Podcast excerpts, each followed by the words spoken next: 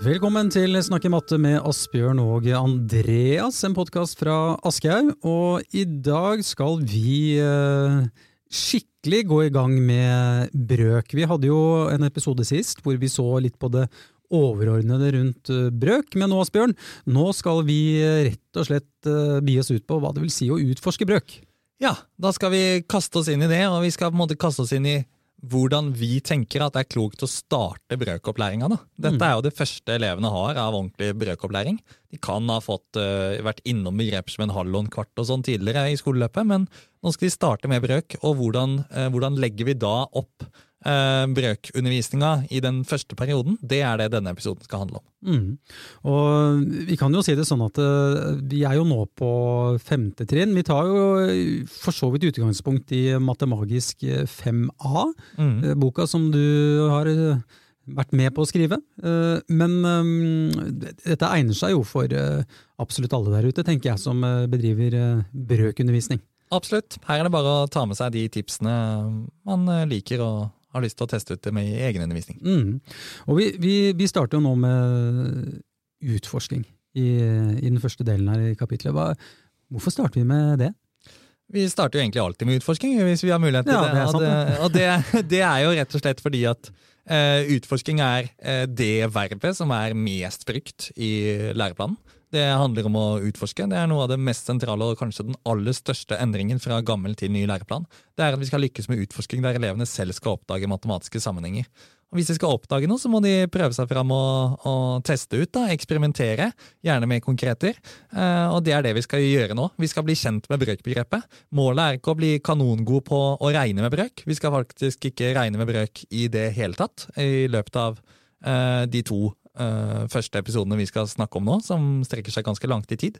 Uh, vi skal jobbe med å forstå begrepet, se det fra ulike innfallsvinkler, ulike sammenhenger, og bygge et fundament elevene kan bygge videre på. Mm. Når vi snakker om begreper, hvor viktig blir det liksom å eh, starte liksom å få på plass disse begrepene som liksom teller, nevner, brøkstrek, brøkdel, en hel mengde? Altså hvor, når kommer dette inn? Er det noe vi bare durer på med med en gang, eller hvordan tar vi dette her? Vi må introdusere begrepene for elevene. Det er Ja. viktig at de forholder seg til begrepene. og det er jo rett og slett fordi at Når vi skal ha en eh, samtale sammen, så må vi vite hva vi mener. Vi må klare å prate om ting, og derfor trenger vi begreper. Det er et presist språk.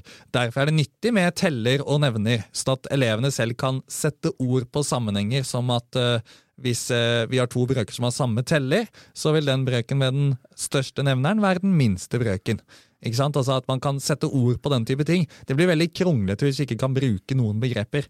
Og Derfor er begrepene eh, viktige. Eh, men de begrepene må jo kobles til noe. Begrepene er jo ikke viktige i seg selv, men de er viktige for at vi skal eh, vite hva vi prater om når vi snakker sammen eh, i klasserommet. minner meg litt om en sånn reklame som mente, som gikk eh, sin seiersgang for eh, et par år siden, hvor liksom man spurte etter den derre greia, den derre en sånn greie. Å ja, du mener skiftenøkkel. Så liksom, det er liksom det å ha liksom de felles referansene på plass der som er, er lurt, da. Eh, Ikke sant? Det er godt sagt. Ja, ok. Eh, men i hvert fall, da, så eh, Jeg har jo merka meg at i Matemagisk så starter, starter det med utforsking av brøksirkler. Ja. Og brøksirkler det er jo mye brukt. Jeg tror I omtrent alle mulige læremidler som finnes, så ser man på brøk som en del av en sirkel på et eller annet tidspunkt. Men nøkkelen her, det vi mener å være opptatt av, det er at vi bruker brøksirklene gjennomgående, og vi starter med noen åpningsutfordringer knytta til disse brøksirklene. Eh, og Da skal man se på hvor mange røde biter for eksempel, trenger vi for å dekke en hel sirkel. Og Da kommer man fram til at ok, en rød bit er en sjettedel av en hel sirkel. Og det er gjennom denne praktiske aktiviteten, der elevene veldig gjerne kan sitte med konkrete brøksirkler foran seg, biter de kan flytte på i ulike farger, eller man kan bruke bildene i bøkene eller digitalt, men, men gjerne konkret. Og det er gjennom den praktiske aktiviteten at vi introduserer begrepet som en sjettedel. Ikke sant? Det blir elevene vant til, og de blir først sendt med det gjennom skrivemåten én med et ett-tall, og så sjettedel med ord, eller seksdel med ord. Mm, Og så etterpå, etter de har forstått dette muntlig da, eller, og skriftlig, Først etter det introduserer skrivemåten en sjettedel med brøknotasjon, der én står i telleren, brøkstrekk og seks i nevneren. Og Det er et helt bevisst grep for at de skal først få inn og forstå hva vil en firedel si, hva vil en tredel si, hva vil en femdel si, og etterpå så kommer brøknotasjonen, hvor vi kobler til det vi har gjort i den praktiske aktiviteten. Det er veldig interessant, da. Det bevisste øh, valget der. Ja. Og så er det en annen ting som er veldig viktig i utforskinga av brøksirkler, og det er at vi ser ikke bare på hvor mange røde biter dekker en hel sirkel. Altså der den hele sirkelen er enheten vår, én hel. Vi ser også på hvor mange røde biter, en rød bit er en sjettedel, dekker en oransje bit. Og en oransje bit er en halv sirkel. Og da endrer vi helheten fra å være en hel sirkel til å være en halv sirkel. Og da ser vi jo at vi trenger tre røde biter for å dekke en oransje bit. Elevene legger disse bitene oppå hverandre fysisk foran seg. Eh, og vi ser da at én rød bit er en tredel av en oransje bit, og så er det en sjettedel av en hel sirkel. Eh, og det å endre helheten, hva som er en hel, det eh, knytter seg til det relative aspektet ved brøk. Altså at helheten har betydning for hvor stor brøkdelen blir. Det, det har noe å si hva vi tar brøkdelen av. Eh, og det introduserer vi helt fra starten av. Og det kan jo noen synes er litt rart, for det virker jo utgangspunktet komplisert. Dette er en komplisert greie. Men hvis man ikke skjønner den biten, eller tar med seg det helt fra starten av, så mangler man en veldig viktig del for å forstå hele brøkbegrepet. Og når elevene gjør dette med konkrete eh, brikker foran seg, så er det ikke vanskelig for dem i det hele tatt. Men hadde du selvfølgelig satt opp som et regnestykke en tredjedel av en halv, eh, så er jo det en, en mye mer komplisert eh, sak, og det skal vi for all del ikke gjøre. Men å gjøre det konkret, utforske, se at helheten har betydning, det er lurt å gjøre helt fra starten av brøkopplæringen. Har man, øh, er disse i boka, de, de figurene, sånn at man ser det foran seg? Men, men tenker du også at man må klippe ut noen figurer, kanskje laminere noe greier og få noe utstyr? Gjerne. ikke Ja. sant? Uh, vi har laget kopiark med alle disse brøksirklene som kan klippes ut uh, og lamineres, som du sier. Gjør gjerne det. Og det er selvfølgelig mulig å gjøre det um, uten de fysiske konkretene. Det er bilder i boka og sånn. Og digitalt så kan man jo lage og bruke uh, på en måte digitale konkreter, der de kan dra sånne biter oppå hverandre digitalt. Mm. Eh, Jeg har lagt merke til noen sånne sant-usant-oppgaver eh, når det gjelder eh, brøksirkler. Hva, hva, hva er eh, sånne type oppgaver godt for? Sant-usant-oppgaver, eh, og her tenker jeg egentlig generelt, ikke bare i forhold til brøk. Eh, Fordelen med de er at de er veldig lette å ta stilling til for elevene. Du skal finne ut om du mener dette er sant, eller om du mener dette er usant. Det gjør at alle elevene i alle fall kan svare et eller annet. Om du ikke får riktig svar, det er ikke så farlig. Du kan komme med et svar, du kan delta i den matematiske samtalen i fellesskap i klasserommet, og alle får blitt en del av eh, dette. Og så, som vi snakket om i oppstartsepisoden av året, vi lærer av å gjøre feil. Så om man svarer feil på sant-usant, så gjør ikke det noe. Da bruker vi det som en mulighet til å lære. Og Det er også en fordel for lærerne for å liksom skanne rommet. Man får veldig litt sånn oversikt eh, over elevene sine. Har vi skjønt poenget her nå, eller er det mange som synes dette er veldig vanskelig? Um, når det jobbes med brøk, så har jeg liksom fått inntrykk av at dette her med enten pizza eller sirkler, det har liksom vært litt sånn på vei ut, for man har begynt å tenke litt mer sånn i blokker. Men uh, i Matemagisk så ser jeg at dere liksom, man gjør litt av begge deler. Dette, men du introduserer på en måte dette her med papirstrimler. Mm. Og Papirstrimler det er jo noe vi har fra Rational Number Project, som er dette eh, forskningsprosjektet eh, knyttet til grunnleggende brøkopplæring som eh, vår progresjon er fundert i. Eh, og Vi har jo blitt veldig gira på ideen med papirstrimler og ser veldig nytten av det. Og det, eh, Den aller største fordelen med papirstrimler er jo at det er et konkretiseringsmateriell som er utrolig enkelt å ta i bruk for en lærer. For Hvis vi bare øh, skjønner hva det er, det er altså bare rett og slett en strimmel med papir. Eh, og jeg pleier å bruke eh, bredden på et A4-ark som lengden på papirstrimmelen, og så kan være en type 2-3 cm bred, den papirstrimmelen. da. Og da, Det eneste du trenger å ta med til klasserommet, er å kutte opp noen A4-ark. Og det klarer man i en hektisk lærerhverdag, men det å laminere og styre og printe ut og skulle, eh, Hvis man har en sånn koffert med litt sånn brøkmateriell, og så mangler det halvparten, og så Ikke sant? Vi, har- vi har alle, alle stått der i en hektisk lærerhverdag, men å få med seg noen papirstrimler, det er enkelt. Og så er disse papirstrimlene veldig egna for å utforske ulike aspekter ved, eh, ved brøk. Eh, og i, I starten her eh, så er det veldig viktig å si at noen legger bort papirstrimlene fordi det er vanskelig å brette i tre. Og det må man på en måte få til. Og det må man rett og slett bare gjøre litt, og så får elevene til det. Men det er en liten sånn terskel der. I det at Du kan tenke deg at du har en strimmel, og så skal du klare å brette den i tre like store Ja, biter. ja. Det er litt krevende, Mm. Uh, men uh, du, de får til det når vi har trent på det. Og når du kan å brette i to, og du kan å brette i tre, så er det utrolig hva vi kan bruke papirstrimler til å utforske. Mm. Bruker du det nå altså Vi snakker jo om femte trinn her, men er det noe man fortsetter med oppover på trinn også, eller? Ja, vi har eh, gjennomgående eh, som konkretiseringsmateriell i matematisk på 5., 6. og 7. trinn, og jeg har også brukt det på ungdomstrinnet med, med mine elever. Mm. Eh, det å liksom eh, sortere brøker fra minst til størst, jeg opplever det som utfordrende når jeg har hatt eh, spesielt femte da til sjuende. Eh, finnes det liksom gode aktiviteter bare for å få taket på dette? Er det papirstrimlene som gjelder, da? eller?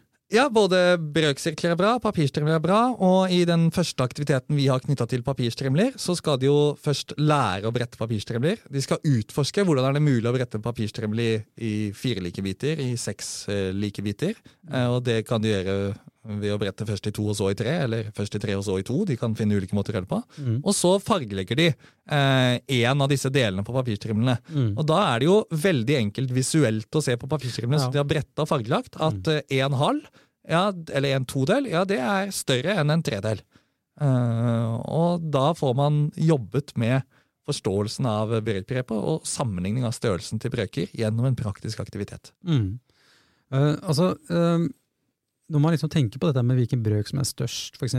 to tredeler, to sjettedeler, tre åttedeler, tre, tre firedeler altså, eh, Nevneren er jo da ulik. Um, og når jeg ser liksom bare det på liksom et papir skrevet sånn med brøknotasjon, så blir jo det litt sånn uh, abstrakt da jeg opplever det. Eh, Og jeg skal innrømme det, jeg har vært altfor dårlig altså, til å bruke konkretiseringsmateriell. Altså, fordi um, når, når de skal finne ut av elevene av dette her, så det er ikke bare enkelt, da, selv om det blir veldig synlig når du får som du sier da, tegna det ned eller bretta det sammen. Altså. Det, det er liksom så viktig beskjed, tenker jeg, at vi må bruke dette her. Ja, og her vil jo noen elever trenge eh, konkretiseringsmateriellet i lang tid, altså det helt fysiske konkretiseringsmateriellet, mens andre elever kan gå ganske raskt til å bare se det for seg med et bilde, og så klare å tenke seg hvordan det ville vært hvis bildet var litt annerledes. Eh, og noen elever vil da kunne gå til det helt generelle poenget, som er når vi sammenligner brøker med lik teller. Eh, eksempel to tredjedeler og to sjettedeler, som du nevner, eh, så vil det jo være sånn at jo større nevneren blir, eh, jo mindre blir brøken. Mm. Eh, og det er jo en viktig oppdagelse å gjøre for elevene, som noen vil klare å sette ord på etter å ha jobba med papirstrimler og brøksirkler. Mm. Og så har vi dette med figurer med, med ulik eh, form. Um, og så er det dette at vi må huske på liksom, å forklare elevene at delene må være like store når vi snakker om brøk, og det ser jeg også at det er blitt gjentatt en del ganger i, eh, i, i boka. For, for eksempel en figur kan jo bestå av tre deler, men det er ulik størrelse på, på delene. Eh, og da kan det på en måte eh, misforstås, rett og slett. Her, her er det jo mange misoppfatninger knyttet til brøk, som du er inne på. og Da er det veldig egna å ha eh, det vi kaller snakke-matteoppgaver, eller diskusjonsoppgaver, matematiske samtaler, eh, som kan fange opp denne type misoppfatninger. Man kan diskutere det i fellesskap i klassen. Og så er jo dette et forvirrende punkt, nettopp fordi at når vi snakker om brøk som brøkdelen av en figur, altså egentlig brøkdelen av et areal, så er det sånn som du sier at de ulike delene må være like store. Um, men når vi snakker om brøk som del av en mengde, f.eks. at tre av fem av dyrene er hunder, så er det jo ikke sånn at de tre hundene må ha nøyaktig samme størrelse. For at vi skal kunne si at tre av fem eh, er hunder. Ja. Ikke sant? Og det er jo forvirrende. Eh, For hvorfor gjelder den ene sammen og ikke den andre sammenhengen? Og det handler om at vi enten snakker om brøkdel av areal brøk brøkdel av en figur. eh, Og da snakker vi om arealet, og da må vi jo dele det inn i like store biter. Det holder ikke bare med antallet biter. Mens når vi snakker, ser på brøk som en del av mengde, så ser vi jo på antall. Og bryr oss ikke om størrelsen på hver av de eh, eh, dyrene, da, hvis vi tenker på det som mengden. Mm. Jeg ser jo det når vi kommer inn på dette her nå, at eh, i Matemagisk så er jo dette her illustrert med dyr eller drops, eller is på pinne, eller is i, kjeks. Eh, men hvis vi tenker da på progresjonen, er det da en grunn til at liksom brøkdelen av en mengde kommer etter brøkdelen av en figur? Ja, her er det rett og slett, her har vi basert oss på Rational Number Project, som har forsket på dette og testet mm. ut ulike eh, rekkefølger å gjøre dette i, og kommet fram til at dette er eh, en hensiktsmessig rekkefølge eh, å, å, gjøre det i. Og det er rett og slett empirisk fundert. Man har testet det ut og sett resultatet med begge deler. Mm. Og så kan man jo si at det aller viktigste tror jeg er at elevene blir presentert for alle disse forskjellige representasjonene, og at de blir gjort det ganske tidlig i løpet, før vi begynner å snakke om noe som helst av brøkregning. Mm. Ikke sant? Legg merke til at Nå jobber vi med ulike aspekter ved brøkbegrepet, forskjellige representasjoner. Vi har ikke begynt å regne med brøk i det hele tatt enda. Og det er det aller viktigste. Det er viktigere enn den interne rekkefølgen på disse ulike representasjonene i starten. Ja. Det er at vi presenterer alle disse representasjonene og knytter det til brøkbegrepet. Ser sammenhenger mellom de ulike representasjonene. Og at elevene får brukt tid på det for å bygge dette fundamentet med forståelse vi trenger. Uh, og Det gir oss også mange ulike strategier senere når vi skal i gang med brøkregning. For da kan mm. de elevene som vil, kan tenke som en del av en mengde. De elevene som vil, kan tenke med papirstrimler og del av en lengde. De elevene som vil det, kan tenke brøk som del av en figur og areal. Mm. Ikke sant? Det gir oss varierte muligheter, sånn at elevene kan utvikle ulike strategier når vi senere i året kommer dit at vi skal begynne med brøkregning. Tror du, Nå er ikke vi rundt om i alle landets klasserom, men tror du vi er flinke nok på å huske på denne progresjonen, at ikke vi starter for tidlig med den regninga?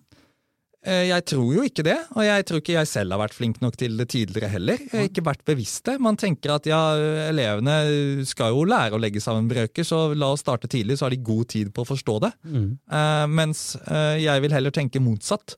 La oss vente til vi har all, alle forutsetningene på plass, alt mm. vi trenger, sånn at grunnlaget er lagt, sånn at de har mulighet til å forstå det. Det er ikke noe vits å begynne med det før fundamentet er på plass, og elevene har den forståelsen som trengs. Mm. Neste steg virker jo da å være liksom at det deles inn i brøkdeler. Og denne, her mener jeg at det er en del uh, Dette er litt vanskelig, uh, sånn jeg oppfatter det, uh, for, for, mange elever. når de først catcher det, så er det jo da, da, går det liksom opp et ordentlig lys, og de har det, men det tar litt tid. For eksempel, altså, hvis man for eksempel fire tolvdeler, da, Uh, for eksempel hvis det er fire, ja, fire tolvdeler, og så forstå da at det er en tredel. Mm. Um, jeg ser jo det i boka at dette er representert på mange fine måter, men um, inntrykk av at dette kan være vanskelig å forstå. altså.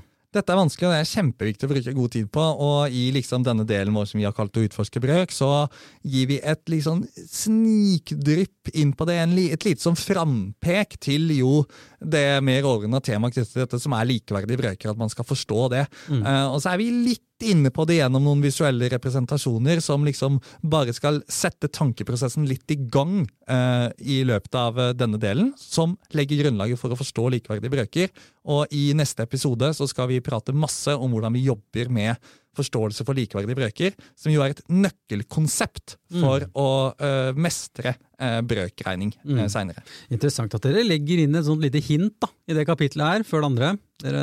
Lite hint kommer ja. der, vet du. Ja, ja. Det er som i god roman, du må ha et lite fremtid. ja.